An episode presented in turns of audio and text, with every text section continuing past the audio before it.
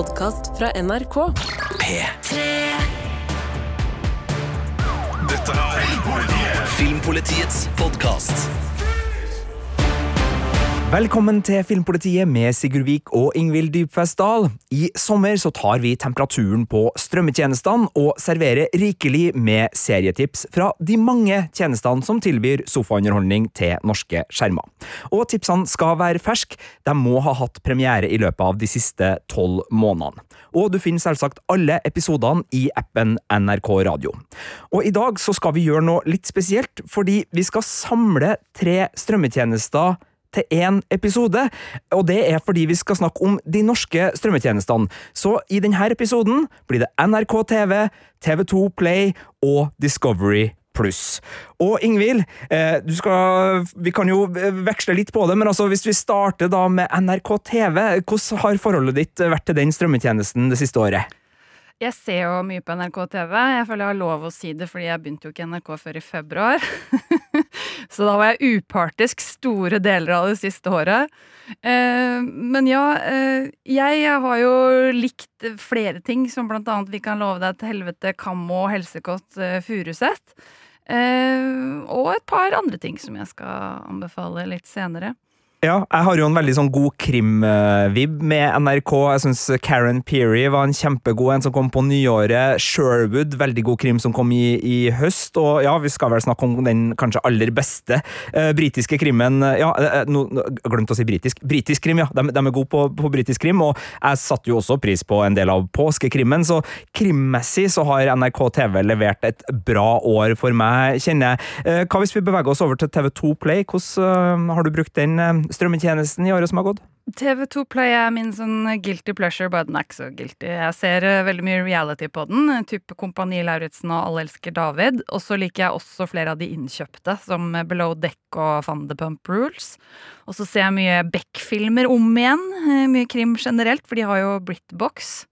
Eh, også... Ja, det, det, det en, altså Britbox er jo en egen strømmetjeneste også, men den er inkludert i TV2 Play, så vi tar den med her. Men de har uh, flere serier vi har snakka om, blant annet Holding, ja. eh, som er en sånn kosekrim der. Ja, de, de, har en del bra, det er jeg enig i. Og så likte jeg også godt eh, den sportsmokumentaren, Innebandykrigerne, som de kom med, som er egenprodusert. det var en artig perle.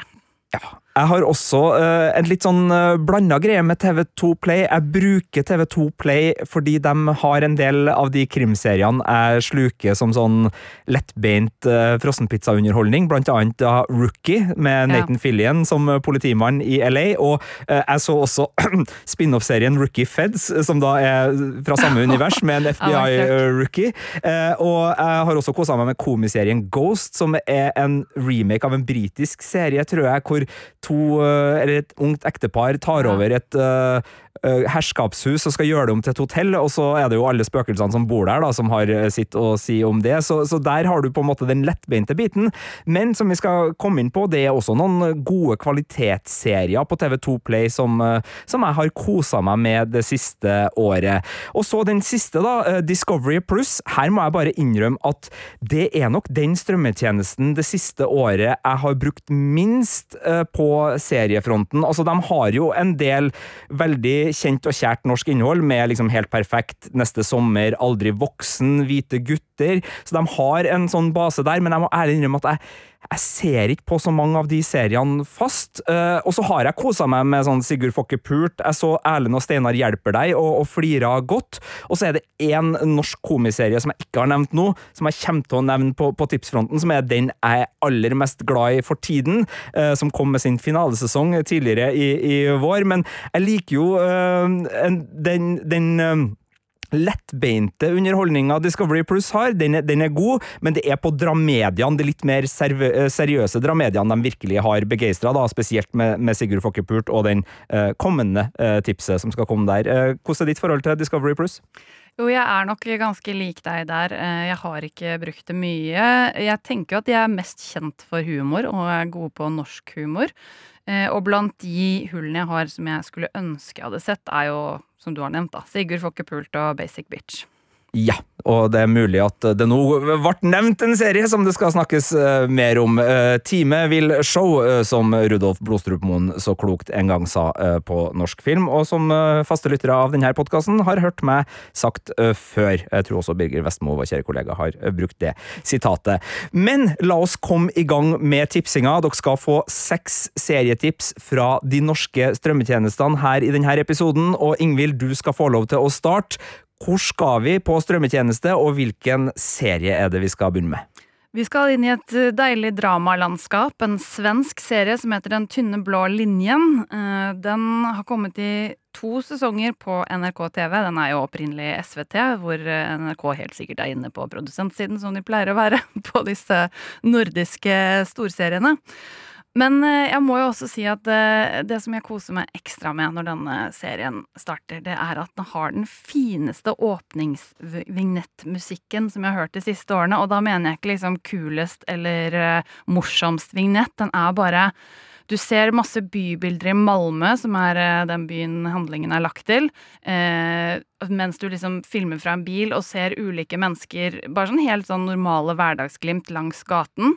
Og så er det en sånn kjempestemningsfull eh, låt, selv om det er jo hovedsakelig instrumentalt, eh, Urban City, som går over. Og den, det er sånn jeg har snakka med vennene mine om, som er helt enige, fordi den er så stemningsfull at du blir sånn Ah, jeg skulle ønske jeg kunne synge så jeg kunne gjengi det. Det kan jeg ikke, så dere skal få slippe. Men øh, om ikke annet så må dere se åpningsvignetten, for den er, den er, sommeren i en åpningsvignett også. Så start med det.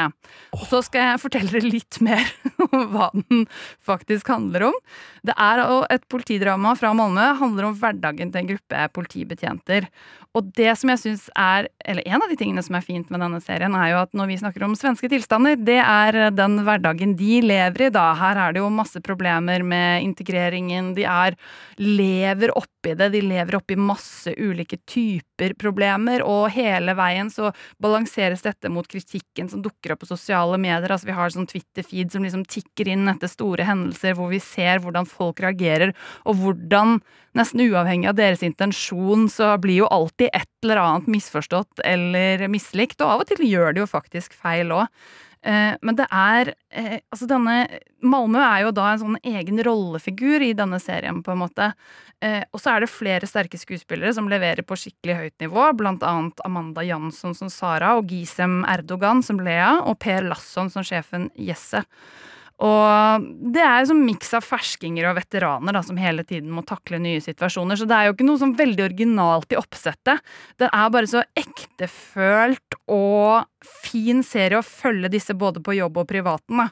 Og der balanserer de hele tiden på at det kan liksom fort tippe over i veldig mørkt og tragedie, men så er det altså øyeblikk med liksom ekte optimisme og omsorg som løfter deg opp, og det kan være fint å ha gjennom sommeren det kan være fint å ha gjennom sommeren. Og jeg er jo nå i den heldige situasjonen hvor jeg har sett veldig mye krim, både på NRK TV og andre strømmetjenester, men jeg har ikke sett Den tynne blå linjen, så der minte du meg på en serie jeg har uh, liggende, som jeg kan kose meg med og, og, nyte, for jeg hører jo at det her er jo rett inn i min seriesmak. Både fordi jeg, jeg aner at det her er en sånn serie som kan uh, glede den litt sånn seriøse dramakrim-serienerden uh, i meg, altså den den som sluker The Wire, og som syns eh, Bosch og sånne serier er, er drivende god, men at det kanskje da også er en skandinavisk, eh, ikke nødvendigvis nordisk noir her, men altså at det er også en skandinavisk krim som, som kan gi etterforskningsglede? Ja, det er ikke så mye krim. altså Det er ikke sånn at de løser et mysterium nødvendigvis i hver episode, men, eh, men bare bad ned i problematikk og drama og hvordan det påvirker menneskene rundt der. Mer The Wire der, altså. Den er grei, Ingvild. Men det er kjempefint å sette i gang med et eh, godt eh, drama. Politiserietips. Og så skal vi da over på den serien som vi sannsynligvis har avslørt allerede, i og med at vi både uh, sa alle de andre seriene, bortsett fra den, helt til du allikevel nevnte den. Basic Bitch hadde sin fjerde sesong, sin finalesesong på Discovery Pluss nå i vår.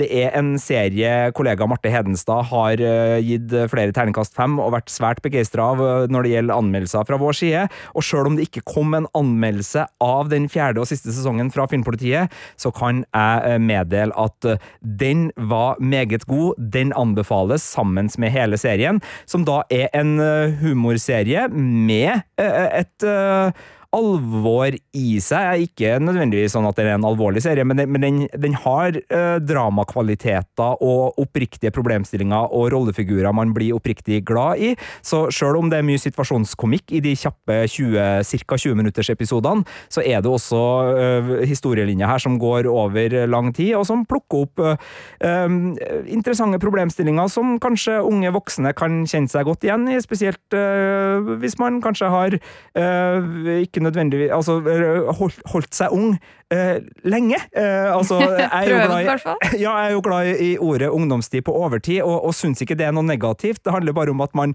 man trives i, i eh, kollektivliv og studentliv og, og eh, ja, det, det frie, ungdommelige livet, og, og, dermed ikke eh, avrunde det før man kanskje må. Og, som en av de, så har jeg funnet veldig mange gleder i eh, Basic Beach. Det er jo en serie om fire venninner som bor i Tønsberg, og som har et eh, kollektiv der. og det er da uh, Anine, eh, spilt av Kristine Kristine Grensen. Det er Julie, spilt av Karin Kloman. Det er Ingrid, spilt av Ada Eide. Og Madde, spilt av Emilie Skolmen.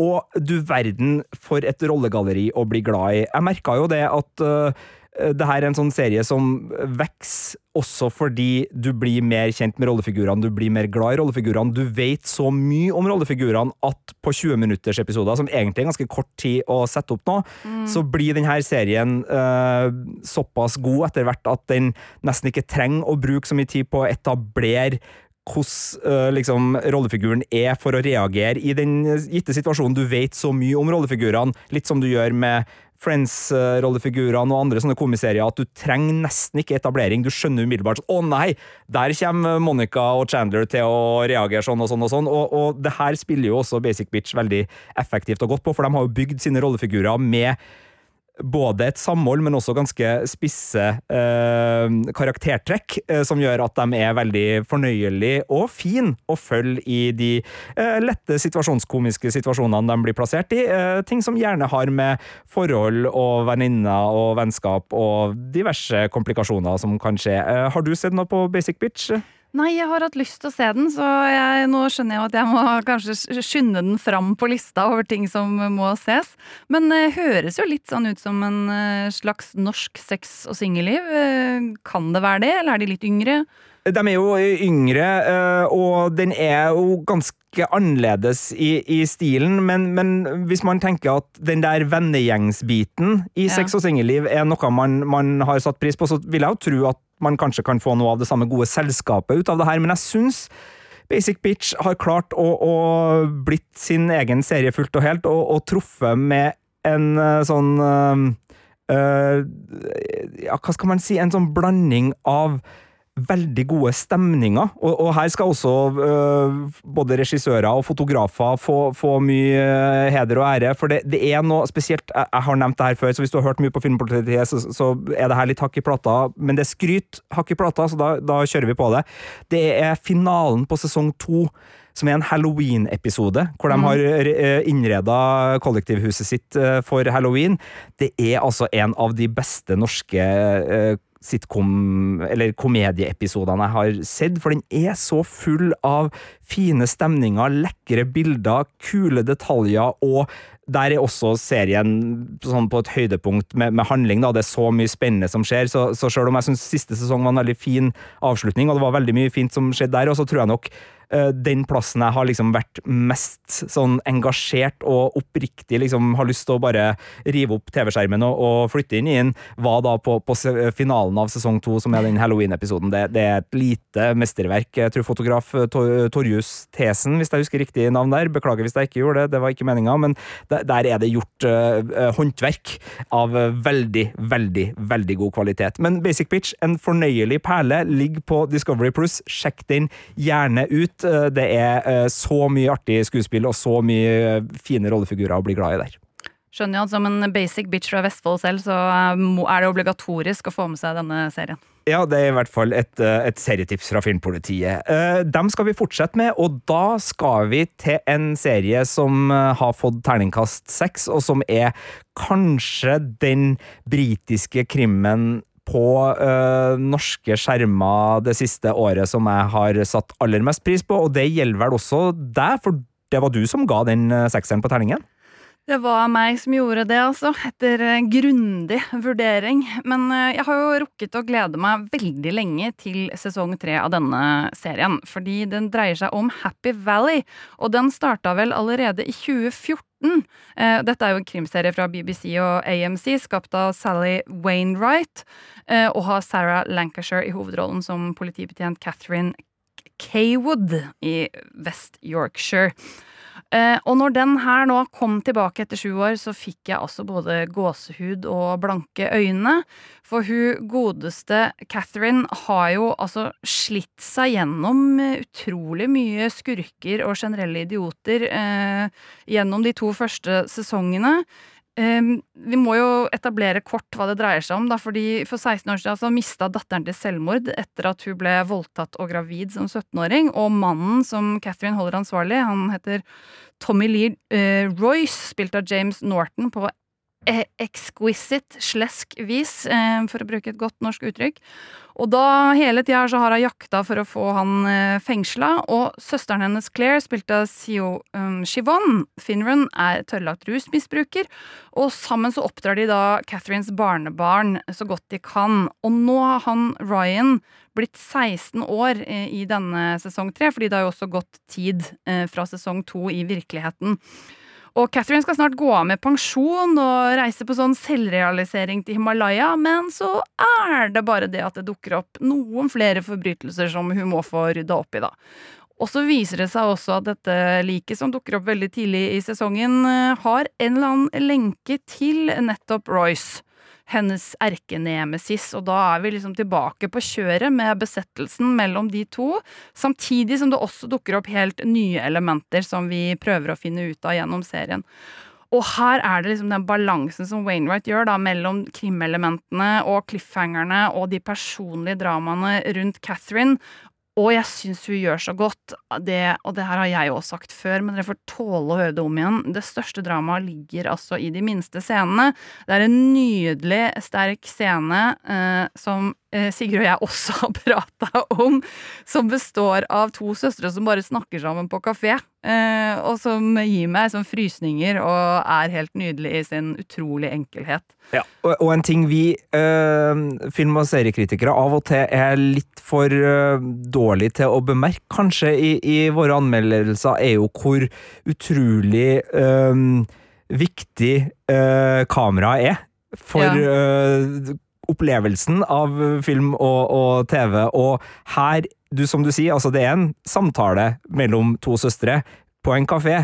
Eh, man kan se for seg eh, den setupen og hvordan et kamera jobber seg gjennom den samtalen. Eh, hviler på ett ansikt, ja, ja, andre ansikt, osv. Men her er det altså i detaljene at kunsten ligger, og jeg har ikke blitt så trollbundet av en kafésamtale som jeg kan huske, for her er det en sånn nerve og en intensitet som selvfølgelig stammer fra handlinga i serien og relasjonen mellom de to, men du verden som kameraet forsterker den opplevelsen og gjør at man sitter helt sånn mo i knærne og bare wow, det der, det var TV, det! Ja, og de skuespillerne der, ja. De har jo fått noen priser også opp igjennom for innsatsen her, og det har de jaggu fortjent. Eh, så det er eh, altså noe vi absolutt kan anbefale. Har du likt Happy Valley før, så kommer du til å elske avslutninga. Det er en perfekt farvel, vil jeg kalle det. Ja. Eh, det er terningkast seks fra Filmpolitiet. Så enkelt er det. Ingvild Trillan og vi, eller nå må vi jo være litt forsiktige, da. Så, altså, tri, man triller jo ikke terningen, man, man, man setter karakteren. Eh, karakteren ble satt eh, til topp. Uh, Toppkarakter, ja. ja. vi skal holde oss i krimlandskapet, men vi skal skifte både gir, epoke og strømmetjeneste. Vi skal til TV2 Play, som jeg har vært inne på, har en del gode, lettbeinte krimserier, men de har også noen skikkelig, skikkelig gode. Jeg skal trekke fram to av dem i denne episoden, og den første er Dark Winds, som kom i fjor høst, og som er en western noir-krimthriller satt til USA på 70-tallet, og følger da to Navaho-politioffiserer som etterforsker sammen med FBI et bankran hvor uh, ranerne har kommet inn på Navaho-territoriet, og dermed så har ikke FBI rett til å etterforske, så vidt jeg har skjønt på etableringa her, for jeg kan ikke nyansene i grensesetninga mellom de ulike politistyrkene og, og, lovhåndtererne i USA, så, så, her baserer jeg meg bare på sånn som premisset settes opp, men i hvert fall så må Navaho-politiet da hjelpe FBI, og der ligger det gnisninger. Det er selvfølgelig spenning til hva som har skjedd og hvorfor banken er rana, og det er også et drap her, men det her er jo også et landskap med enorme avstander, og på 70-tallet, hvor radiodekninga er litt dårlig mellom politibiler, man plutselig kan bli fanga i ørken, og man møter på lokalbefolkning som kanskje ikke er så veldig glad i politiet, og som også kanskje kjenner politifolkene fordi de har gått på samme skole og sånn tidligere, så det er veldig mye sånn deilig landsbykrimkvaliteter, men det er flytta fra landsbyen og satt til ørken, og her er det mye solbriller, kul americana og skikkelig sånn western-vibba i veggene, og det er jo San McLarnen som da spiller Joe Leaphorn, som er hovedpersonen her, og han har vi jo sett i Fargo, vi har sett den i Westworld sesong to, vi har sett den i Reservation Dogs. Han er en av mine favorittskuespillere, og han er så fin og kul og god i denne uh, politirollen. Han er da veteranpolitimannen som, som skjønner at hm, her kan det være mer bak de ulike intensjonene, som tilsynelatende ser veldig greie ut. FBI vil komme og etterforske noe bankopplegg. Greit nok, greit nok det, men ja. Hmm. Uh, og hvorfor har de flydd inn på det her området, osv., osv. Skal ikke snakke noe mer om hva som skjer. Skal bare si at hvis du liker Altså, typ, altså hvis du digger Cohen-brødrenes film No Country for Old Men, mm. så kan det hende at vibben i Dark Winds er noe du kan sette pris på. Jeg sier ikke at det er like bra som uh, Cohen-brødrenes fantastiske filmatisering av den boka, men her er det også en, en bokserie, da, Liporn og Ski-bokserien uh, av Tony Hilterman, som, som, som, ligger bak, og som, som serverer mat til manuset her, men, men det er noe med den der 70-tallsk amerikansk filmvibben som er foredla og, og, modernisert i, i det her serieuniverset, som jeg har sett veldig stor pris på. Så kanskje absolutt ikke din tekopp, men kanskje akkurat din tekopp. Og i så fall så er Dark Winds uh, en anbefaling fra meg. Eh, hvordan er musikken i denne, da? Jeg ser for meg at det er potensialet her med 70-tallets USA. Jeg skal ærlig innrømme at jeg husker ikke uh, musikken sånn som det er nå, men jeg, jeg elsker altså, mitt, Det kan jo være en god ting, da, ofte. Ja, fordi for, da er det bare sømløst. Men i, i, hodet mitt så er det uh, god uh, sånn FM-country fra 70-tallet som, som går i hodet mitt nå, men jeg, jeg husker ikke musikken. Men jeg husker at jeg bare elska å være i det universet. Jeg elska liksom den ja, Det er et forslitt uttrykk, da, men amerikanerne, altså den der totaliteten av det kulturelle uh, avtrykket som spilles ut. Det handler jo både om de der uh, pilotsolbrillene alle har på seg, om tidskoloritten, om bilene, om sikkert da musikken som spilles på radioen, om de ulike gadgetene som liksom bare roper Eh, se på meg, jeg er USA eh, på, på 80-tallet. Mm. Så Nei, eh, nei 70-tallet, mener jeg. Så, så, sjekk gjerne ut den her hvis det, det, er noe som høres ut som din greie. George R. Martin er også med som produsent her, så da har vi bare sagt det, men det betyr jo egentlig ingenting, verken til eller fra. Men name-drop, ja, det ble den. Vi skal til en serie, og du holder deg knallhardt på NRK, Ingvild. Du, du, nekter å gå fra NRK TV i denne eh, tipsepisoden. Eh, hva er siste tips ut eh, fra deg på denne er det, er det, krim igjen, eller? Altså, jeg fikk jo frie tøyler, og da knabba jeg en krim som du har anmeldt i forbindelse med påske, Sigurd. Men uh, nå er den min. Nå er det mitt tips. Det er uh, Hendelse ved vann, en svensk miniserie som er, som man kan gjette, basert på Kjerstin Ekmans prisbelønte roman ved samme navn, som kom på 90-tallet. Eh, og den, eh, den, så jeg i et jafs i påska og koste meg veldig med, selv om eh, det er jo noe som kan gi deg litt sånne isninger i ryggraden der også. Eh, og der foregår handlinga på to tidsplan. Vi er både i 1973 i Jämtland, der hvor to mennesker blir funnet drept ved en elv, og så er vi i 1991 hvor saken fremdeles er uoppklart. Eh, og vi som ser hvordan det har satt sitt preg på lokalsamfunnet der. Og så har den noen veldig gode skuespillere. Da. Det er Pernilla August som spiller Annie Raft i 1991. Um, og hun Det her starter å liksom trigges ved at hun tror hun kjenner igjen et ansikt uh, som hun ikke har sett siden uh, en skjebnesvanger sommernatt i 1973. Og så begynner man den her prosessen med å avdekke uh, glemte og skjulte hemmeligheter. Skjulte hemmeligheter er litt smør på flesk, men det er nå det som skjer. Og uh, en annen ting jeg syns er gøy, er at begge døtrene til Pernille August er med. Alba August spiller datteren Mia Raft på 90-tallet, og Asta Kamma August spiller Annie selv da, i denne 70-tallstråden. Og så har vi også med Rolf Lassgaard, uh, som jeg også har til gode å se gjøre en dårlig rolle. Og det er ikke bare gøy fordi de er døtrene til Pernille August, altså de er drivende dyktige skuespillere i egen kraft, og det er bare det er bare så troverdig, da, for de er jo av en eller annen merkelig grunn veldig lik eh, Pernille August, så, så, det passer så utrolig bra. Eh, og så er det veldig deilig å se denne her tidskoloritten på 70-tallet med en sånn derre eh, jeg håper å si kommun, det heter jo ikke på norsk, kollektiv, eh, sånn frisamfunn de prøver å etablere, som selvfølgelig har eh, masse vyer og intensjoner, men som kanskje ikke går fullt så bra som de har tenkt, og det ligger selvfølgelig enda mer eh, isolert til. Eh, så det, selv om dette allerede er et lite sted, så ligger liksom den enda, men, enda lenger bort. Og så er det masse historietråder med bifigurer her. Folk som eier campingplasser, folk som prøvde å løse denne saken da det skjedde. Eh, nei, det er bare Når du tror du har skjønt litt, så har du egentlig ikke skjønt det. Og det er bare seks episoder, så det er veldig overkommelig å komme igjennom, men utrolig spennende og en sånn stemning først og fremst, som liksom satt seg i meg.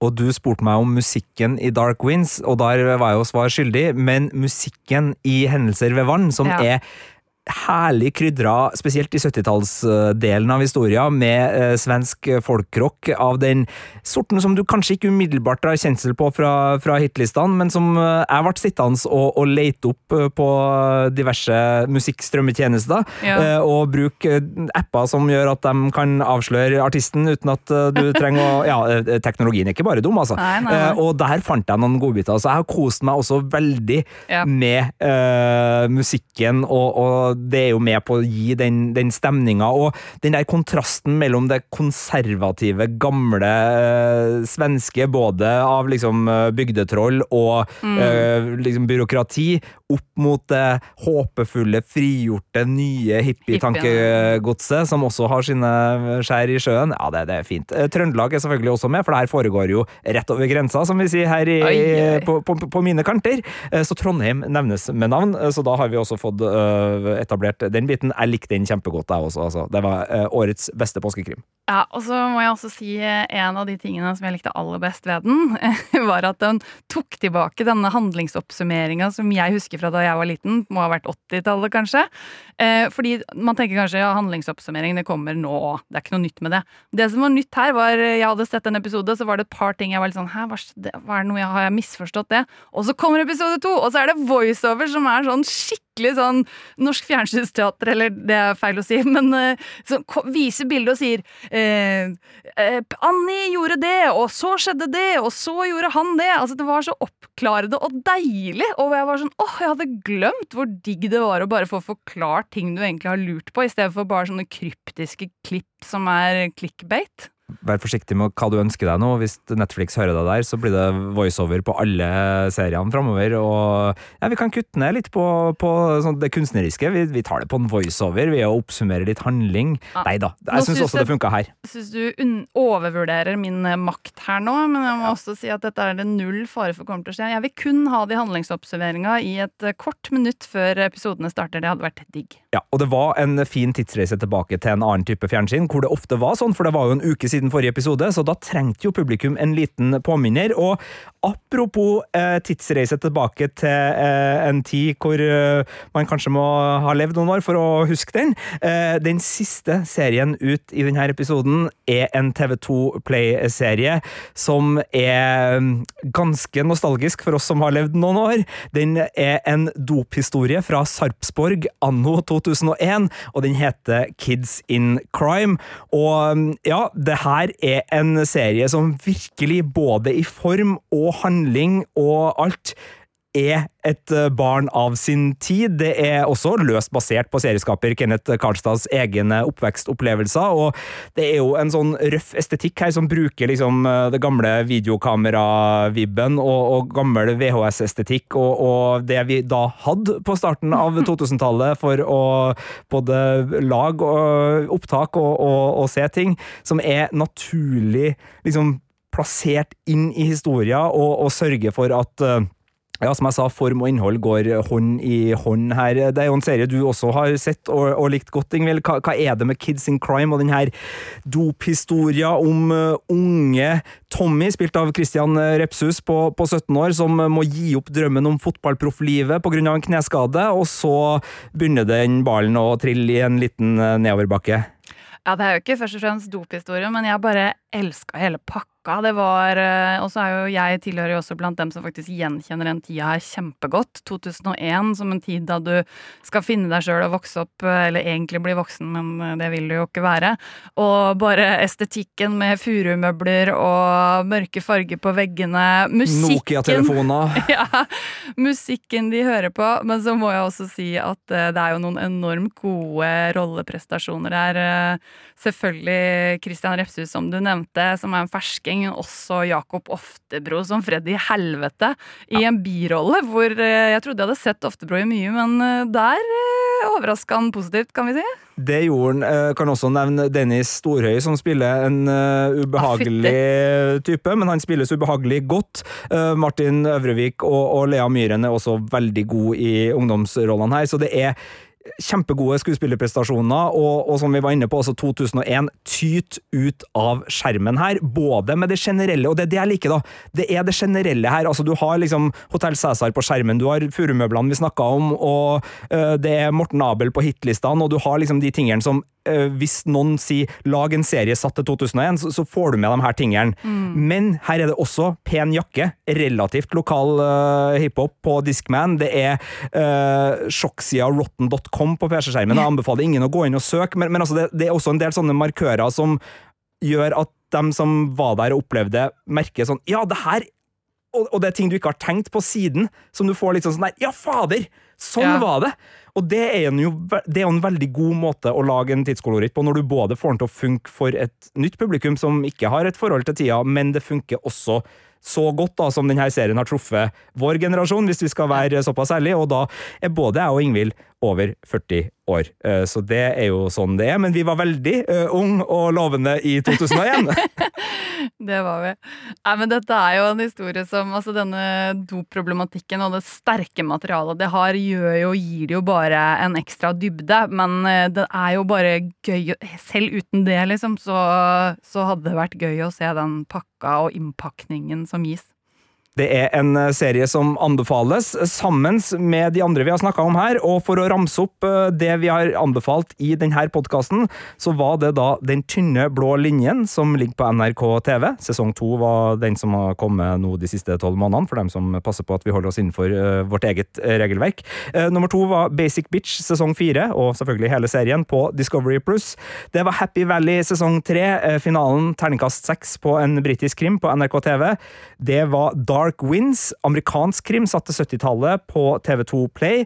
Så var det Hendelser ved vann, svensk dramakrim eh, på NRK TV, den også. Og til slutt da Kids in Crime, norsk eh, krim satt til 2001 og Sarpsborg på TV2 Play. Og uh, du finner selvfølgelig alle episodene med de andre tipsene fra de andre strømmetjenestene hvis du går i NP i appen NRK Radio, hvor tipsene har strømma på i sommer og skal fortsette å strømme på i sommer. Det blir overstrømmende. Det blir overstrømmende. Ja, det er godt, vi, godt vi får miksa opp de, de avslutningene. Og til dere som har hørt mange av de her episodene opp på rappen, eh, dere har kanskje lagt merke til at inngangen og utgangen er relativt likt, eh, så eh, sånn er det. Men tusen, tusen takk for at du hører på. En podkast fra NRK. Å sitte ute og skåle med dine aller beste venner og sola føles som den aldri går ned, på en kveld der det faktisk er varmt og godt. Kjente folk gir deg skikkelig god feriestemning. Høye danske smørbrød. Smaken av jordbær. Kose meg og høre på musikk. Å få på meg et festivalbånd, en softis. Glovarme bilsetter. En dag med lite planer. Hør feriestemning i appen NRK Radio.